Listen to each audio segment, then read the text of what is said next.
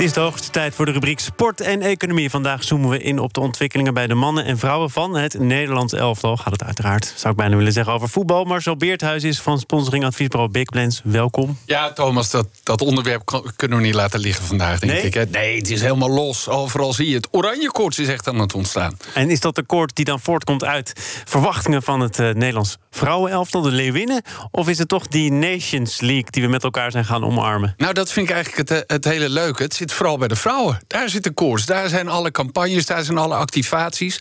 Dat kom je tegen op de winkelvloer. Dat komt natuurlijk ook omdat we die Nations League... wat ook een hele mooie, nieuwe, spannende competitie is... nog niet zo goed kennen. Leg mij nog even uit wat je dan precies kunt winnen. maar goed, dat, nee, dat moeten we niet Ja, doen. Want dan... geld. Oké, geld. Ja, en eer. En een beker.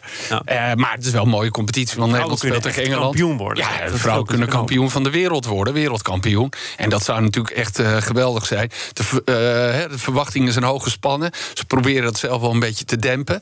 Maar nee, maar er ontstaat echt iets in de samenleving. Dat is leuk. En jij moet dan, of niet, je moet, je, je wil ook kijken natuurlijk vanuit je vak naar wat doen merken daarmee. Ja. Nou, wat doen ze? Nou, daar wordt heel veel ingehaakt. En wat ik interessant vind, dat je eigenlijk bijna geen verschil meer ziet. Zoals, zoals ook bij de mannen wordt ingehaakt. Als er een echt groot toernooi is. Nu bij de vrouwen. Dus dat zijn hele aansprekende commercials van grote merken. Die de vrouwen stoer en, en, en, en ruig eh, eh, eh, neerzetten. Het zijn activaties op de winkelvloer. Het zijn plaatjesacties. Dus dat is eigenlijk helemaal gelijk geworden. Nou, maar ik denk dan toch, hè, ik eh, volg het eh, redelijk goed. Voor de, voor de meeste mensen zal toch nog gelden dat je ze nog altijd moet leren kennen. Terwijl eh, Wijnaldum en Van Dijk en Zeker. noem het allemaal maar op, die hebben geen introductie meer nodig. Nou, ik kan me voorstellen dat je als merk ook rekening mee moet houden. Ja, zeker, zeker. En dat is ook wel iets waar de KNVB rekening mee houdt. Dus de grote uitdaging is altijd bij dit soort teams... om ervoor te zorgen dat je al die 23 gezichten kent. En niet maar alleen eh, Lieke Martens en eh, Janice van der Zanden. En dan kennen misschien nog wel een paar. Maar Dus dat proberen ze ook wel in, communica- in communicatie te doen. En in fotografie, door te zorgen dat anderen ook steeds naar voren komen. Ja, dat is echt de grote uitdaging. Want als je mensen beter kent, ga je ook meer van ze houden. Raak je meer betrokken. Dat is natuurlijk onderdeel van het hele marketingspel. Nou, we doen even een test. Nee, dat is flauw. Hoeveel ken je er?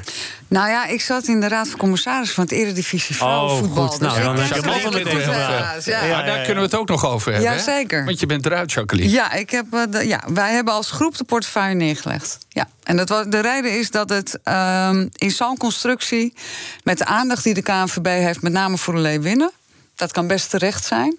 Maar dat daarmee het Eredivisie vrouwenvoetbal niet van de grond kwam. En dat is volgens mij nog steeds de situatie. Ja, en dat is eigenlijk doodzonde natuurlijk. Want als wij een sterk Nederlands team willen houden met Leeuwinnen... dan moet je natuurlijk zorgen dat dat vanaf de onderkant blijft groeien. Dus dat gaat over talentontwikkeling, opleidingen. Maar dan heb je ook een sterke eredivisie nodig.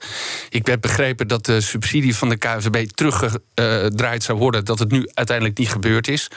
Eh, dat er wel weer een nieuwe competitie eh, wordt. Maar eigenlijk alle energie die jullie erin gestopt eh, hebben... die hebben, heeft dus niet zoveel opgeleverd. Nou ja, en dat heeft dus heel veel te maken met het budget wat vrijgemaakt wordt voor het vrouwenvoetbal. En ook al die mooie merkactivaties.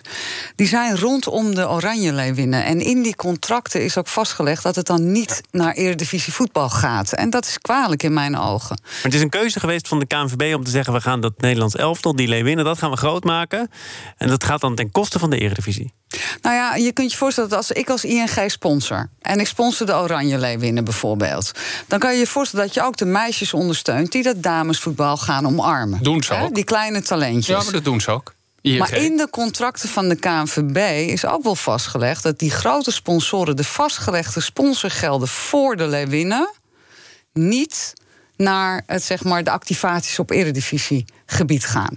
En dat is denk ik waar we misschien een beetje naar moeten kijken. Van hoe zouden we dit succes van de Oranje Leeuwinnen... ook voor die meisjes op de groene velden, in de dorpen en de steden Ja. kunnen Nou, die verplichting zit in eerste instantie bij de KNVB. En wat er in Engeland is gebeurd, is een heel goed voorbeeld. Is gewoon een bank ook, Barclays, groot ingestapt. Voor drie jaar sponsor geworden. 10 miljoen pond eh, erin gestopt.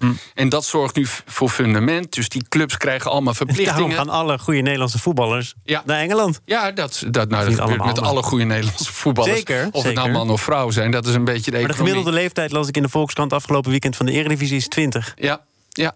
ja, dus dat moet echt omhoog. En vrouwen moeten ook weer terugkomen aan het eind van hun carrière. Die, die eredivisie moet nu gaan leven. Ik zie dat zelf als een van de grootste uitdagingen voor het vrouwenvoetbal in Nederland. Maar gaat dat gebeuren als de aandacht en ook het geld dus voornamelijk naar de Leeuwinnen gaat en niet naar de competitie? Subsidie zou stopgezet worden. De KNVB ze doen dat nu niet. Er komt nu een competitie van acht. Uh, en die moet uiteindelijk op 12 uitkomen.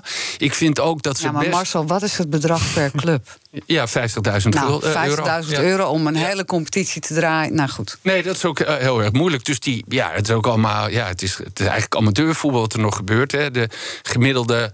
Ja, een speler verdient 33.000 euro. Uh, als je bij de Eredivisie in de vrouwen speelt.